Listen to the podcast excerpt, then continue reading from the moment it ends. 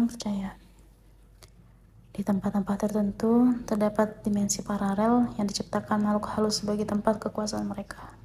Entah nyata atau tidak, tapi beberapa pengalaman membuktikan bahwa lingkaran setan itu memang benar-benar nyata. Lingkaran setan, itu aku menyebutnya. Sebuah area yang cukup luas di mana terdapat banyak makhluk-makhluk yang tak kasat mata bersemayam. Ada juga yang menyebutnya dimensi paralel di mana seakan-akan terdapat kehidupan di dalamnya. Ada keramaian, ada orang-orang beraktivitas, sama seperti dunia biasa. Bedanya, mereka semua sudah mati dan menjadi arwah-arwah penasaran. Beberapa kejadian sempat menghantui. Beberapa orang yang tanpa sengaja masuk ke lingkaran setan, mereka akan terjebak beberapa waktu dan hanya berputar-putar di dalamnya tanpa tentu arah.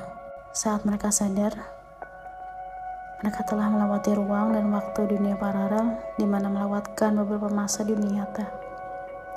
Apakah ini nyata? Ada satu cerita yang aku dapatkan malam ini. Aku baru saja berkemas dan bersiap pulang kantor. Waktu masih menunjukkan jam setengah delapan malam. Grab yang aku pesan pun datang dengan suara motor dari arah pagar depan. Aku perhatikan kantor sudah mulai lengang. Beberapa sudah berangkat bermain badminton dan beberapa di antaranya masih bermain PS di escape room. Seorang driver Grab Parubaya parkir depan gerbang kantor. Wajahnya datar, tanpa sapaan saat aku menanyakan apakah itu orderan aku pesan.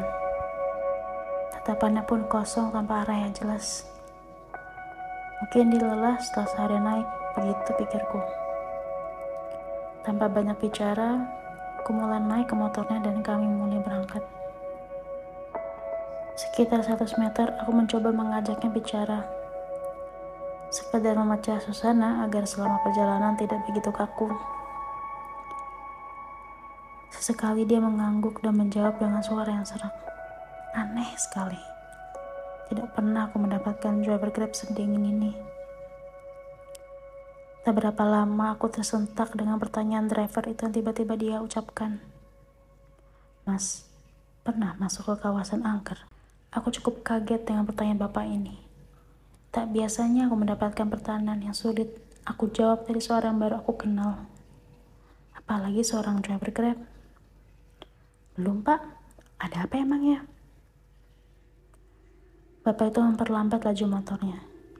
Dia mulai menceritakan maksud dari pertanyaan itu. Sungguh tak pernah aku sangka.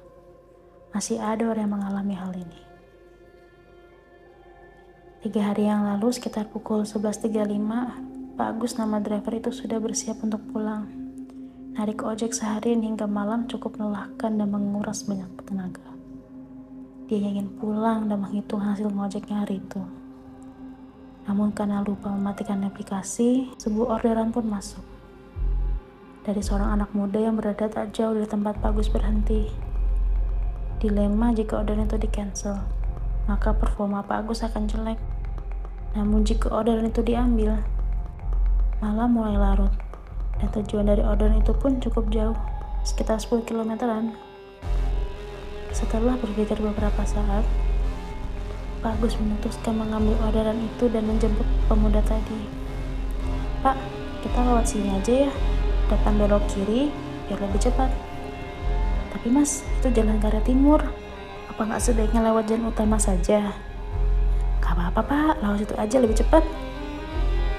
Ke timur adalah lokasi pergudangan. Tempatnya tepat di sebelah rel kereta api. Banyak gudang-gudang dari pabrik-pabrik di sekitar situ berjejar di sini. Suasananya sepi, hanya beberapa lampu remang-remang di sudut-sudut gudang. Tak banyak kendaraan yang lewat jalan itu. Hanya bangkai-bangkai angkot yang dibiarkan berjajar tanpa tahu bagaimana nasibnya. Kota itu baru saja diguyur hujan sore itu dan menyisakan malam yang dingin yang menusuk. Perlahan Pak Agus dan penumpangnya memasuki jalan itu dan menyusuri jalan sepi dan dingin. Awalnya tak ada hal ganjil yang dirasakan. Namun tiba-tiba hawa sangat dingin masuk dan menusuk kulitnya dari sela-sela jaket kerap yang dia pakai. Dingin, dingin sekali. lebih dingin dari hawa yang dirasakan sebelum masuk ke tempat itu. Pak Agus hanya bisa diam. Dia merasakan hal yang tidak biasa. Dia terus berpikir, apakah sebaiknya mutar balik dan mengambil jalur utama? Tapi di sisi lain, dia tak mau mendapatkan reputasi buruk karena tidak sesuai dengan apa yang penumpang minta. Belum sempat kebingungan Pak Agus terjawab, terlihat ada cahaya-cahaya yang cukup terang dari lampu-lampu yang tak jauh berada di depan. Tampak seperti sebuah keramaian. Tapi apa? Pasar malam atau pesta rakyat? Wah, ada ramai-ramai. Apa itu, Pak? Gak tahu, Mas. Kayak ada pasar malam. Agus memperlambat motornya dan mengamati suasana keramaian itu. Tampak memang seperti pasar malam dan ramai. Ada berbagai macam perdagangan kaki lima yang berjajar dan pengunjung yang berdesakan melewati jalan-jalan di sela-sela pasar malam itu. Namun keramaian itu menjadi bertambah aneh saat Pak Agus memperhatikan wajah dari orang-orang yang berada di sana, pucat dengan tatapan kosong. Semua memiliki raut wajah dan ekspresi yang sama. What? Apa ini? Aku masih berpikir keras dengan apa yang Pak Agus ceritakan. Meski suaranya serak, dia menceritakan dengan sangat jelas. Sejenak mengusap dahinya, dia meneruskan apa yang diceritakan. Usai melewati pasar malam aneh itu, sejenak mengusap dahinya, dia meneruskan apa yang diceritakan. Usai melewati pasar malam aneh itu, Pak Agus dan penumpangnya melewati jalan yang membingungkan. Beberapa perempatan yang sama pernah dilalui sebelumnya seperti melewati jalan yang sama dua kali. Beberapa jalan juga tak pernah ditemui. Apakah ini jalan baru? Pak Agus tak berpikir sejauh itu. Dia terus memacu motornya ke arah tempat yang dituju. Tapi semakin jauh perjalanan, Pak Agus merasa mereka tak pernah meninggalkan tempat itu. Tetap berada di antara gedung-gedung gudang yang berbaris rapi di kiri dan kanan. Maaf mas, Mas beneran tahu jalannya nggak ya?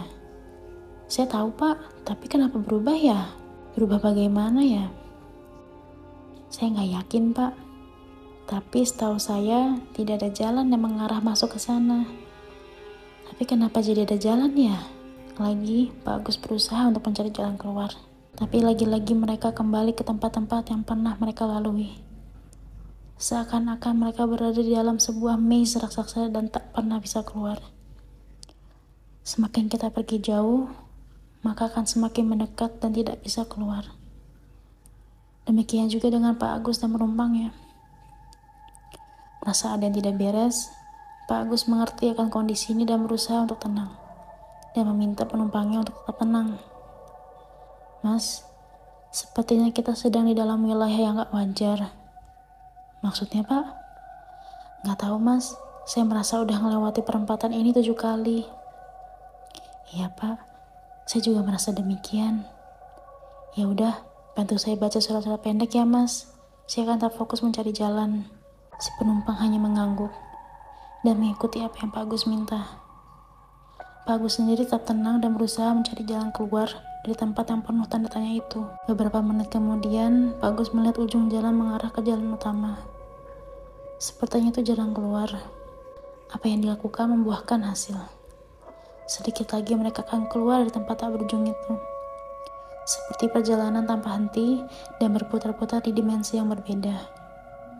Dan orang-orang yang ada di dalamnya mempunyai raut wajah pucat dengan tatapan nanar tanpa ekspresi.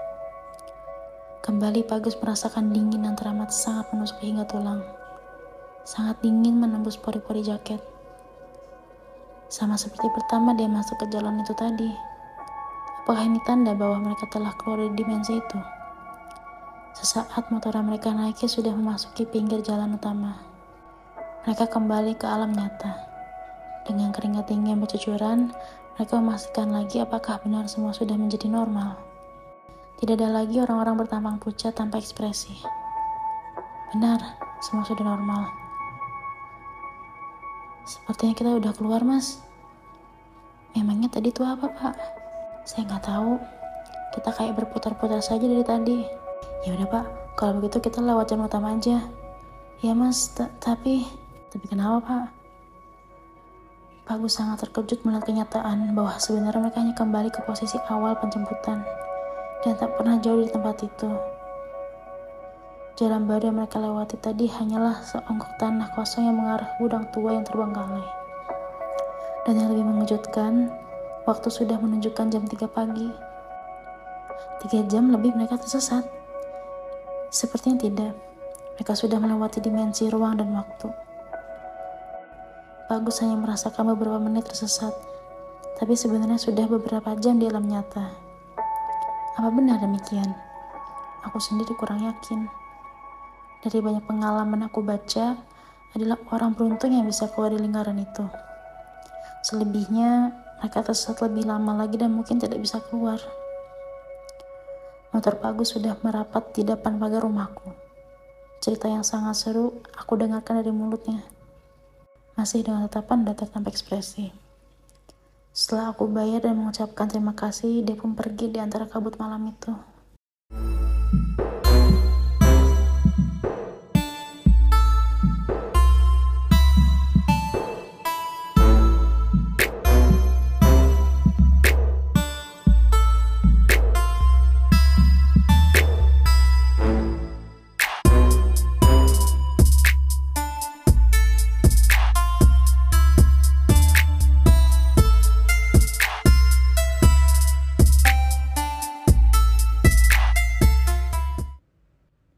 Cerita oleh Selba Rahman. Ada beberapa pengalaman horor yang pernah terjadi di hidup saya. Jadi, dulu saya kerja sebagai pelayan restoran di sebuah apartemen khusus untuk WNA Jepang yang ada di kawasan Jakarta Selatan. Bangunan tersebut berdiri udah lama banget dan para pegawainya pun udah banyak yang sepuh. Anak barunya hanya ada empat orang termasuk saya dan yang lain orang lama semua. Saya lupa tepatnya kapan saya mengalami hal-hal mistis kayak gitu. Waktu itu saya dapat shift pagi. Shift pagi dimulai pukul 5 pagi sampai 1 siang. Kegiatan rutin saya tiap pagi adalah bersihin toilet khusus tamu yang terletak nggak jauh dari kasir restoran. Di situ samar-samar saya dengar suara perempuan nangis dari arah toilet pria. Suaranya pelan banget. Tapi semakin saya cuekin ternyata semakin kenceng suaranya. Akhirnya saya kabur. Karena kerjaan saya di toilet itu masih belum selesai, akhirnya saya minta temenin security di depan resepsionis untuk temani saya sebentar ganti tisu toilet. Dan kejadiannya itu berlangsung terus setiap saya giliran shift pagi dan kebagian bersihin toilet. Saking sudah terbiasanya, saya malah udah nggak takut lagi sama dia. Saya malah bilang, ngapa sih nangis mulu? Udah, cowok begitu mah tinggalin aja. Hehehe. Masih di tempat kerja saya di apartemen itu. Saya kebagian shift malam dan harus mengantarkan makanan ke penghuni di unit lantai 7. Saya sendiri dan posisi sudah jam setengah sembilan malam. Oh, iya jadi di apartemen tempat saya kerja itu ada lantai yang memang angker banget. Karena disinyalir dulu pernah ada seorang security yang meninggal tepat di depan pintu lift dalam keadaan terduduk. Diduga karena serangan jantung Balik lagi, pas saya selesai antar makan malam, saya masuk kembali ke dalam lift. Dan pintu lift mau buat saya turun. Tapi kemudian berhenti di lantai dua. Saya pikir ada penghuni yang mau turun untuk makan malam. Tapi pas pintu lift terbuka, tidak ada siapa-siapa. Akhirnya saya tutup kembali. Terus pintu lift terbuka lagi dan saya tutup lagi. Karena saya udah feeling, ini saya lagi dikerjain sama setan di sini. Ada lima kali pintu terbuka dan tertutup. Saya kesel banget, akhirnya pintu lift saya tendang terus saya ngomong. Gue tuh di sini cuma kerja, jangan ganggu. Akhirnya pintu lift ketutup lagi dan saya berhasil sampai di lantai satu. Saya langsung ngibrit ketakutan. Ini kejadian 2018 waktu saya kerja di daerah Serpong dan tinggal di mes karena rumah saya jauh banget dan saya belum ada budget untuk sewa kos sendiri. Kejadian horornya nggak makin nunggu lama, Malam kedua saya tidur di mes, saya tidur di ranjang tingkat gitu, dan saya tidur di ranjang paling atas. Sekitar jam 11 malam, saya lihat ada perempuan jalan dari pintu masuk mes dan lewatin kasur tingkat saya. Saya lihat jelas banget kepalanya. Rambutnya warna hitam dan jalan ke arah belakang kasur tingkat saya itu. Saya pikir itu teman saya. Saya tanya, nggak balik ke kosan kan? Tapi dia nggak jawab. Terus saya panggil namanya, Kak Gia, Kak. Saya panggil tapi nggak ada yang nyaut. Saya pikir, oh udah tidur kali ya. Atau lagi dengerin musik pakai headset, makanya nggak denger. Ya udah, akhirnya saya tidur. Dan keesokan paginya, saya lihat Kak Gia datang dengan dandanan rapi, membawa tasnya.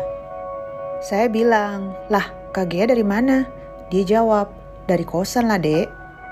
Terus saya tanya lagi, lah semalam siapa yang saya ajakin ngomong? Yang lewat semalam terus tidur di kasur kamu siapa kak? Tanpa rasa bersalah, Kak Gia malah ketawa ngakak terus ngomong gini. Oh, udah kenalan ya? Ya emang gitu dek, makanya nggak ada yang berani tidur di mes. Untung cuma diliatin ujung kepalanya doang. Tuh, si Mira malah ngeliat dia lagi ungkang-ungkang kaki di atas kasur. Akhirnya detik itu juga saya langsung minta pacar saya untuk cariin saya kosan yang akan langsung saya tempati malam itu juga. Tentu saja, minta ditalangin dulu. Ini kejadian pas saya masih ABG. Waktu itu kamar saya ada di depan rumah. Jadi nggak nyatu sama rumah utama. Nah, saya posisinya baru pulang dari main sama teman-teman. Terus saya tiduran dulu karena belum ngantuk, tapi sambil dengerin lagu lewat headset. Lampu dalam keadaan mati, samar-samar bermodal lampu dari teras rumah utama, saya ngeliat ada sosok perempuan. Rambutnya gimbal sebahu, mukanya hitam gosong gak kelihatan, bajunya putih, tapi saya lihat putihnya cuma sampai sebatas pinggang saja. Ke bawahnya hitam. Entah karena gak kelihatan sama sinar lampu atau emang dia cuma badan doang. Dia berdiri pas di samping lemari baju saya. Natap saya yang lagi kaku nge-freeze karena ngelihat dia. Badan saya nggak bisa digerakkan dan makhluk ini cuma diem aja nggak ngapa-ngapain. Akhirnya saya cuma bisa tutup mata dan lanjut dengerin lagu pakai headset sampai saya ketiduran.